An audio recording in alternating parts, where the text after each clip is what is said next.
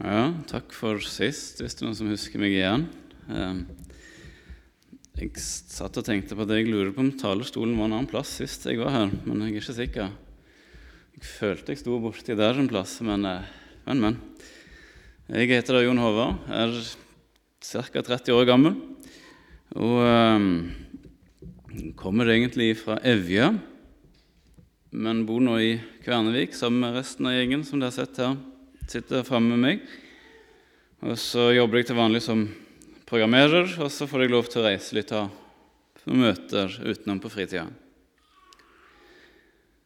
Eh, så har jeg en veldig rar dialekt. Og jeg er ikke misjonærbarn eller ikke oppvokst i Amerika, eller noe som helst, men jeg har bare rota det sammen, så jeg trenger ikke å tenke på om det er noe spesielt, for det er det ikke. Men ja, nok om det. Vi fortsetter også å be meg sammen for uh, møtet. Kjære Jesus, jeg har lyst til å takke deg for at du møtte Saulus, denne forbryteren som forfulgte deg. Og så tok du deg av han. Og så har vi lyst til å be deg om du i dag kunne møte oss. Om du hadde et ord til oss i dag på samme måte som du talte til Saulus. Og vi har heller ikke gjort oss fortjent til et møte med deg, men vi ber om at underet likevel måtte skje. Amen. Ja, jeg har ikke tenkt på det som er teksten for i dag, men likevel så har jeg tenkt på noe som eh, minner litt. For um, jeg har tenkt å tale litt om forholdet mellom deg og Jesus, eller forholdet til Jesus. For det er det som jeg har tenkt på på en spesiell måte denne påska som vi har lagt bak oss nå. For Jeg har lest en del om en spesiell person i år i påskeevangeliet. og eh, Det er han som heter Peter. Jeg blir så godt kjent med han i de tekstene som handler om påska. Og Så tenkte jeg å begynne med slutten. For eh, Jesus han har stått opp ifra de døde. Og Så har det gått noen dager. Det står ikke helt hvor mange dager det er snakk om, men um, så står det at en dag så sier Peter til de andre disiplene det at um, i natt så drar jeg ut på fisketur. Og Så blir noen av disiplene med ham. Så setter de seg i båten og drar ut på Tiberias, sjøen, og så fisker de hele natta.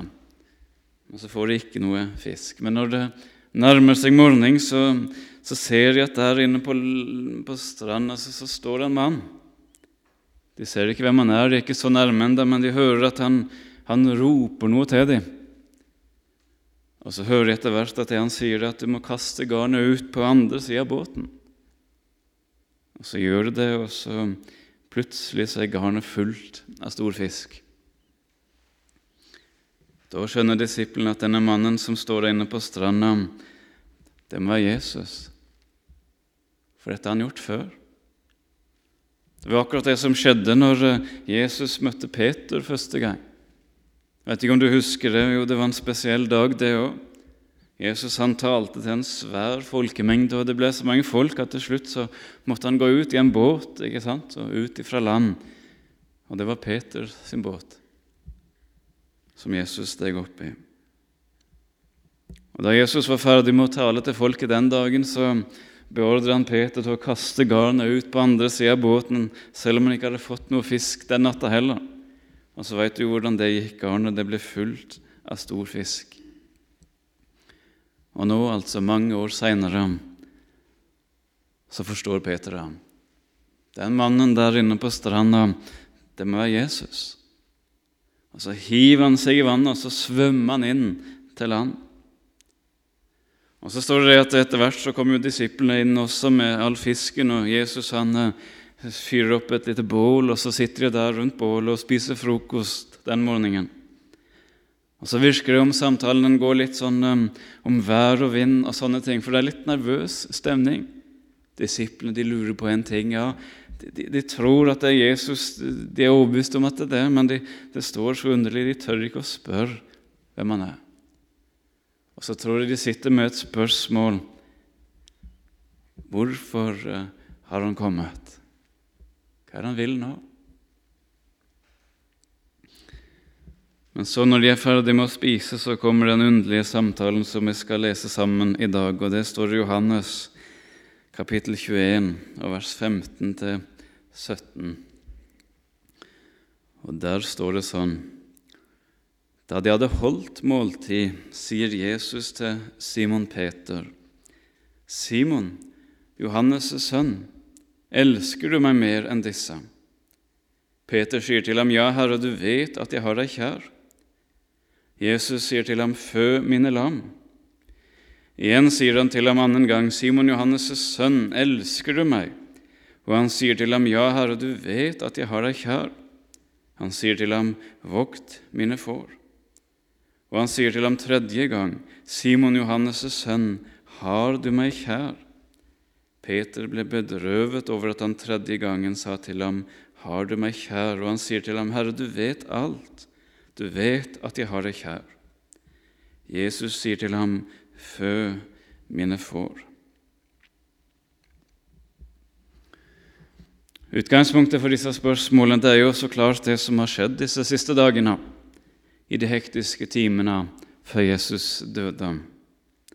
Og Det hele det begynner jo med påskemåltidet, egentlig.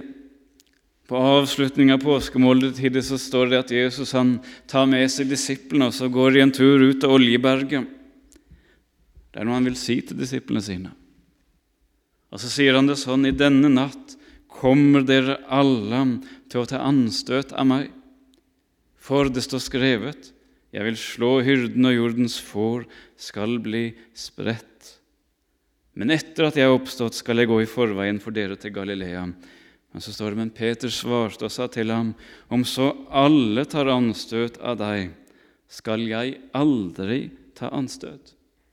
Jesus sa til ham, sannelig sier jeg deg, i denne natt, før hanen galer, skal du fornekte meg tre ganger. Peter sier, om jeg så måtte dø med deg, skal jeg så visst ikke fornekte deg. Og på samme måte talte alle disiplene. Peter han var så skråsikker. Han var så overbevist om én ting, nemlig sin kjærlighet til Jesus. Jeg elsker deg mer enn det de andre gjør. Det er jo det han sier egentlig, ikke sant? Han sier jo det at eh, om det så skulle skje at de andre skal svikte deg Ja, om det så skulle skje med de, så vil det aldri bli aktuelt for meg. Kanskje det hadde blitt sånn i disippelflokken at de hadde begynt å snakke sammen. Hva skal vi gjøre om soldatene kommer og tar Jesus? De merka at stemningen har begynt å bli farlig. Ja, Nå står det slik at alle disiplene de talte slik som Peter gjorde. Men likevel kanskje han hadde merka det at det hadde begynt å bre seg ut en liten en redsel, eller en tanke, en bekymring. Og Peter han var sikker på én ting det var aldri aktuelt for ham. Disse spørsmålene tok Peter fullstendig avstand ifra. Istedenfor så skrøt han av sin kjærlighet, sin hengivenhet til Jesus. Ja, han ville til og med sette sitt liv til for Jesus. Ja. Kommer aldri til å svikte deg. Derfor så er det jo veldig ransakende spørsmål som Jesus stiller når han seinere senere sitter der rundt bålet med Peter og de andre disiplene. Etter alt det som har skjedd disse dagene i påskehøytida, så spør Jesus, du, Simon Johannes' sønn, elsker du meg mer enn disse? Var det slik at din kjærlighet var større enn de andres? Jeg vet ikke hva disiplene tenkte når de hørte hva Jesus sa til Peter. Og vi merker også det at Peter han svarer på en helt annen måte enn før. 'Jeg har deg kjær', sier han. Og Så stiller jo Jesus dette spørsmålet tre ganger på litt ulike måter. og Det henger vel sammen med de tre ganger Peter fornekta han.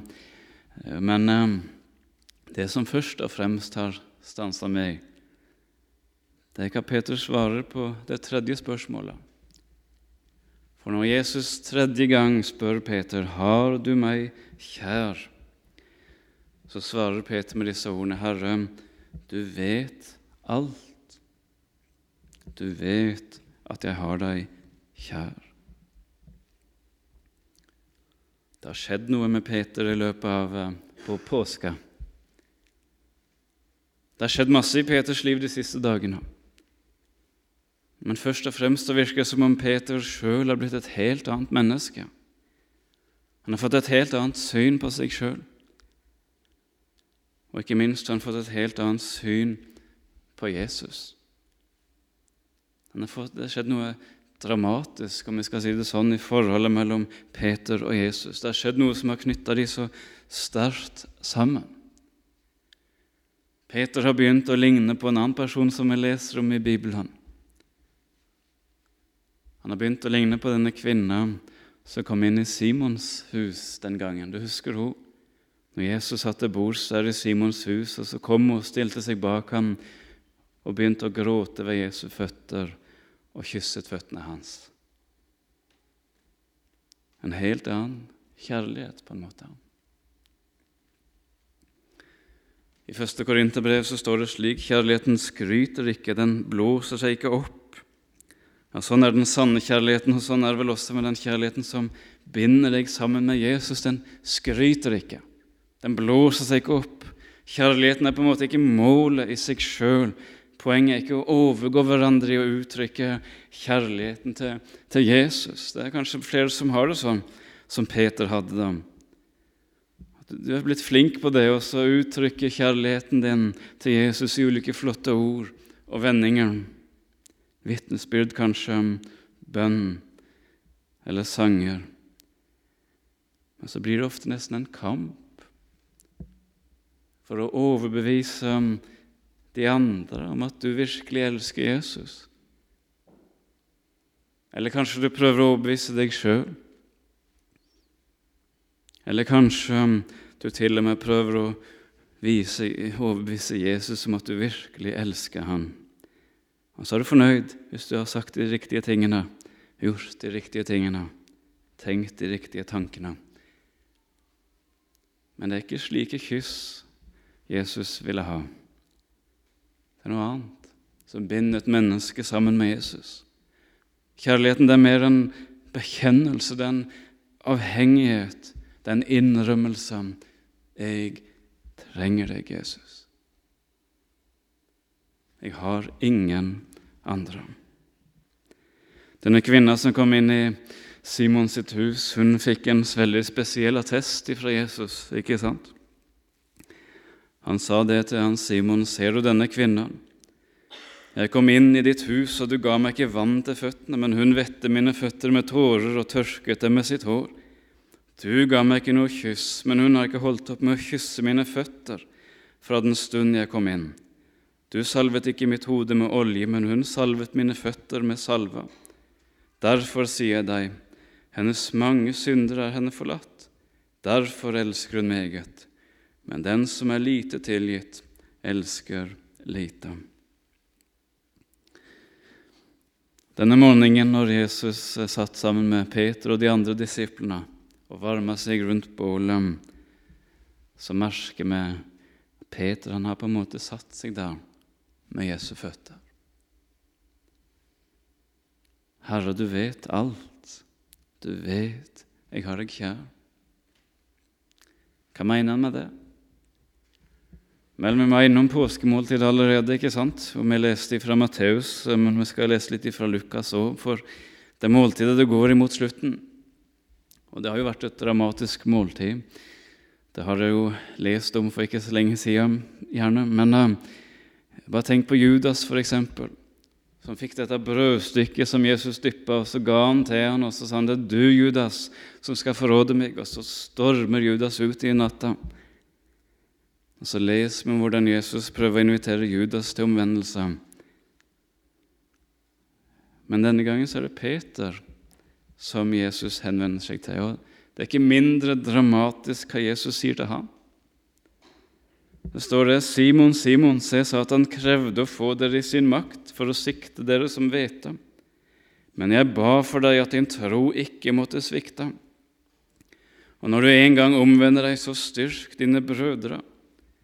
Men Peter sa til ham, Herre, med deg er jeg rede til å gå både i fengsel og i død. Og da sa han, Jeg sier deg, Peter, hanen skal ikke gale i dag, før du tre ganger har nektet at du kjenner meg. Deretter så går det slag i slag. I løpet av en natt så blir livet snudd på hodet for disiplene. Og så veit du hvordan kvelden gikk for Peter og alle de andre. Den kvelden er jo nøye beskrevet i Bibelen over mange kapitler. Kort sagt så gikk den kvelden dårlig, ikke sant? Ting skjedde fort. Ting kom ut av kontroll. Peter svikta, disiplene svikta én etter én. De svikta i bønnekampen i Getsemane, de sovna. De rømte når soldatene kom. Og Peter han nekta jo for at han kjente Jesus, bare fordi han var så redd for sitt eget liv. Jesus blir tatt til fange.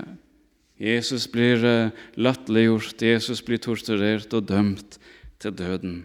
Men midt i alt det så står det slik at uh, i det øyeblikk Peter fornekta kjennskapet til Jesus for tredje gangen, akkurat i det øyeblikk, så gol han. Og så står det at Herren vendte seg og så på Peter.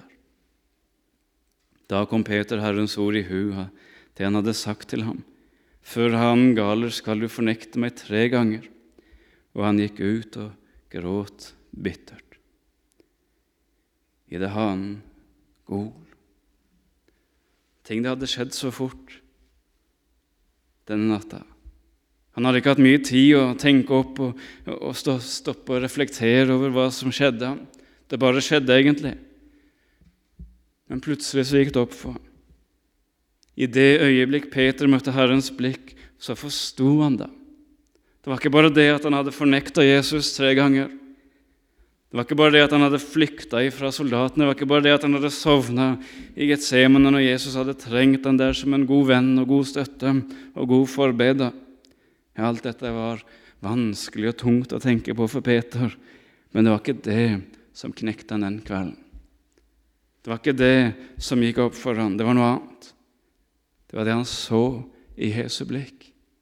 Det var det han forsto i det han gol. For mett så forsto han da. Jesus, han visste. Jesus hadde visst alt på forhånd. Jesus kjente han så mye bedre enn han kjente seg sjøl. Og så hadde jeg sett det for meg sjøl i et glimt så fikk Peter et, fikk et i, i, Herrens blikk så fikk Peter et glimt av det dype fallet. Den uendelige forskjellen. Han fikk se han er en del av den falne menneskeslekta, og så tror jeg det var den synet som var så overveldende at han gikk ut og gråt bittert den natta. Det er det som ligger bak den korte, enkle bekjennelsen som Peter kom med i samtalen rundt bålet denne morgenen. Herre, du vet alt. Det er ikke dette første gangen at Peter hadde fornemma på en måte dette her. Men hva så vet innom det at når Jesus kalte på Peter første gangen, så skjedde noe spesielt. Du veit, Jesus sto oppe i båten hans, og så hadde han holdt en tale til folket, men så står det når han slutta å tale, så sa han det til Simon, du, legg ut på dypet, kast garnet ut til fangst. Og Simon svarte og sa til ham, mester, vi har strevd hele natten og ikke fått noe, men på ditt ord vil jeg kaste ut garnet. Og de gjorde så, de fanget så mye fisk at garnet holdt på å sprenges. De vinket da til lagsbrødre i den andre båten at de skulle komme og ta i med dem. De kom, og de fylte begge båtene slik at de holdt på å synke. Men da Simon Peter så dette, falt han ned for Jesu knær og sa, Herre, gå fra meg, for jeg er en syndig mann. For redsel kom over ham og alle dem som var sammen med ham over fiskefangsten som de hadde fått.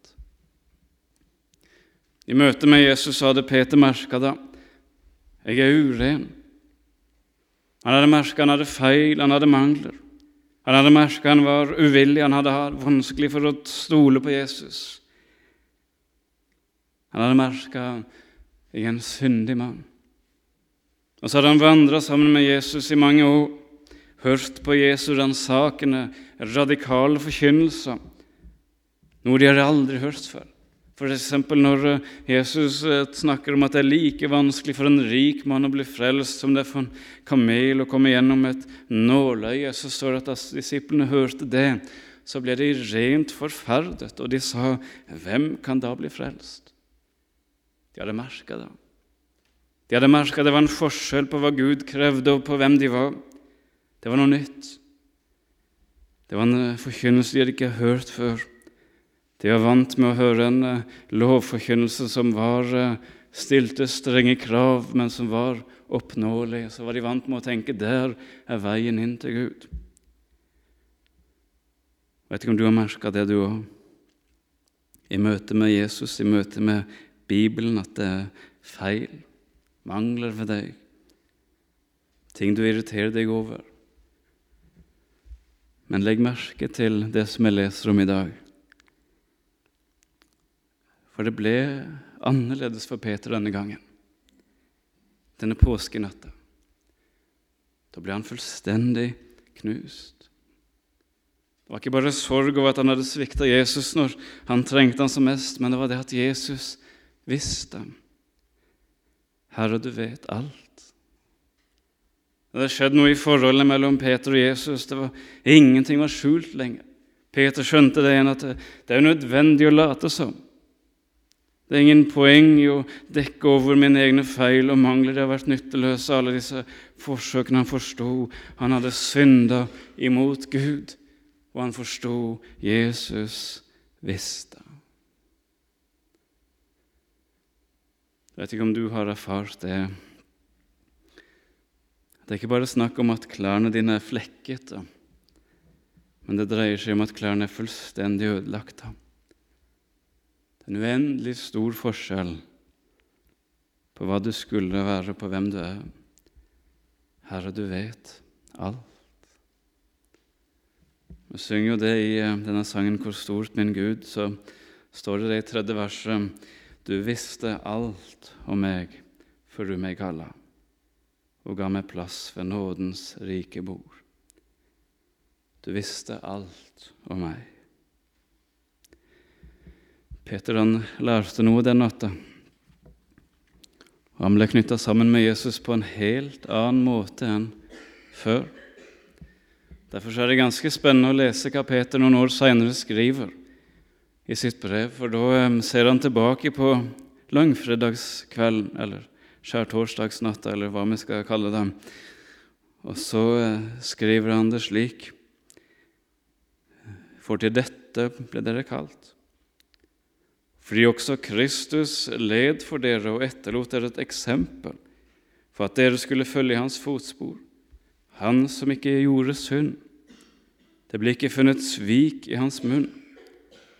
Han som ikke skjelte igjen når han ble utskjelt, og ikke truet når han led, men overlot det til ham som dømmer rettferdig, han som bar våre synder på sitt legeme opp på treet, for at vi skal dø bort fra synden og leve for rettferdigheten, og ved hans sår er dere blitt lekt. Det må ha vært underlig for Peter å se hvordan Jesus led. Se hvordan Jesus ble utskjelt, latterliggjort og mobba. Se hvordan Jesus ble torturert. Se hvordan Jesus ble hengt opp på korset, og så vite der han står og ser han gjør det for meg og han vet hvem jeg er. Det er min synd han bærer på sitt legeme opp på treet, og ved hans sår er jeg blitt lekt. Det er to ting som Peter sier i sitt vitnesbyrd denne morgenen rundt bålet. Herre, du vet alt.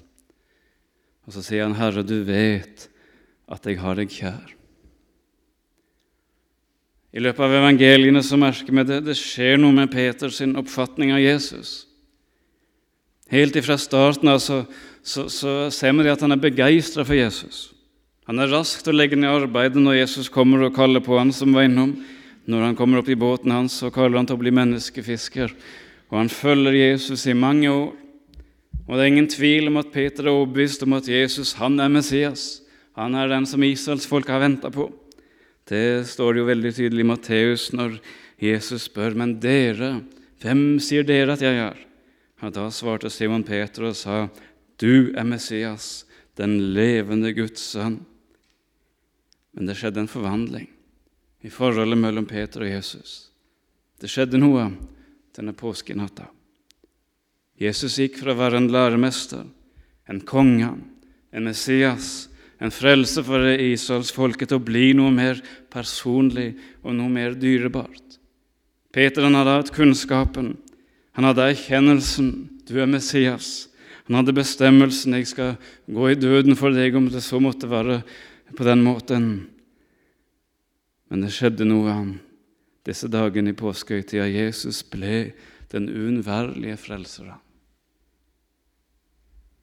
Fordi Peter fikk et møte med den dype kjærligheten Jesus hadde til ham. Og det førte til at den ble besvart. Jesus ble Peter sin kjærlighet òg. Men Gud viser sin kjærlighet til oss ved at Kristus døde for oss mens vi ennå var syndere. Og i dette er kjærligheten ikke at vi har elsket Gud, men at Han har elsket oss og sendt sin Sønn til soning for våre synder. Og så tror jeg det er der Jesus vil ha deg òg. På samme måte som han arbeider med Peter, så arbeider han med deg. Det er noe han vil vise deg. Det er noe han vil at du skal få tak i. Det er det det står i første Korinterbrev. Når det står om kjærligheten, så står det sånn om jeg taler med menneskers og englers tunger, men ikke har kjærlighet, ja, det er en lydende malm eller en klingende bjelle. Om jeg har profetisk gave, kjenner alle hemmeligheter og all kunnskap, om jeg har all tro så jeg kan flytte fjell, men ikke har kjærlighet, da er jeg intet. Og om jeg gir alt det jeg eier til mat for de fattige, om jeg gir mitt legeme til å brennes, men ikke har kjærlighet, da gagner det meg intet. Så vi samla her en liten flokk i dag. Og på samme måte som eh, Jesus den gang kom til disiplene, så er han her blant oss i dag. Og denne dagen så er det ikke Peter han spør, men det er deg han spør. Elsker du meg? Så er det ikke slik at du skal overbevise meg eller noen av de andre som er her, om din kjærlighet til Jesus. Han vet alt. Det er han som spør.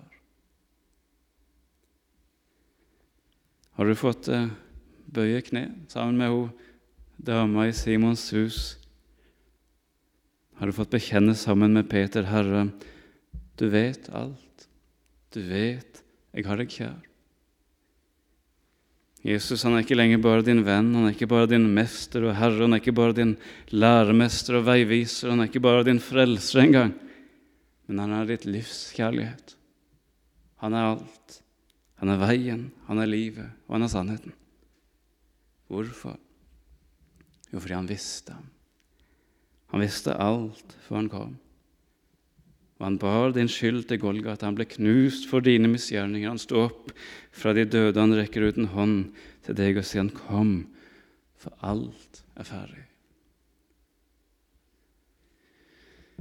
Det er en uh, liten detalj jeg vil ta med til slutt. For um, noen år senere, når Peter skriver sitt brev, så taler han om evangeliet.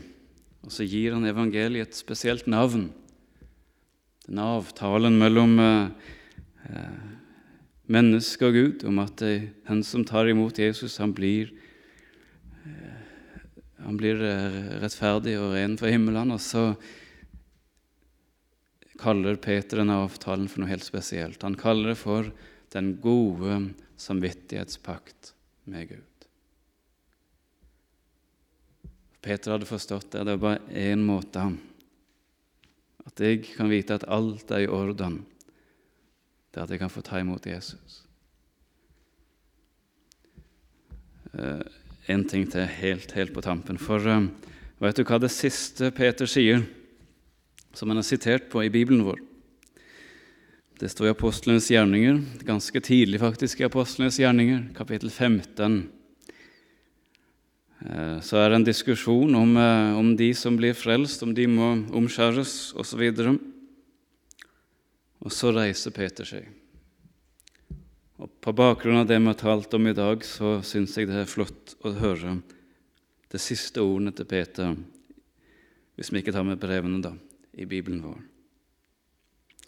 Det står i kapittel 15, vers 10 og 11. Så svarer han til disse som vil at de skal omskjæres, så sier han det. Hvorfor frister dere da Gud og legger et åk på disiplenes nakke? som verken våre fedre eller vi var i stand til å bære. Men vi tror at vi blir frelst ved Herren Jesu nåde på samme måte som de. Herre, du vet alt. Du vet jeg har deg kjær. Amen.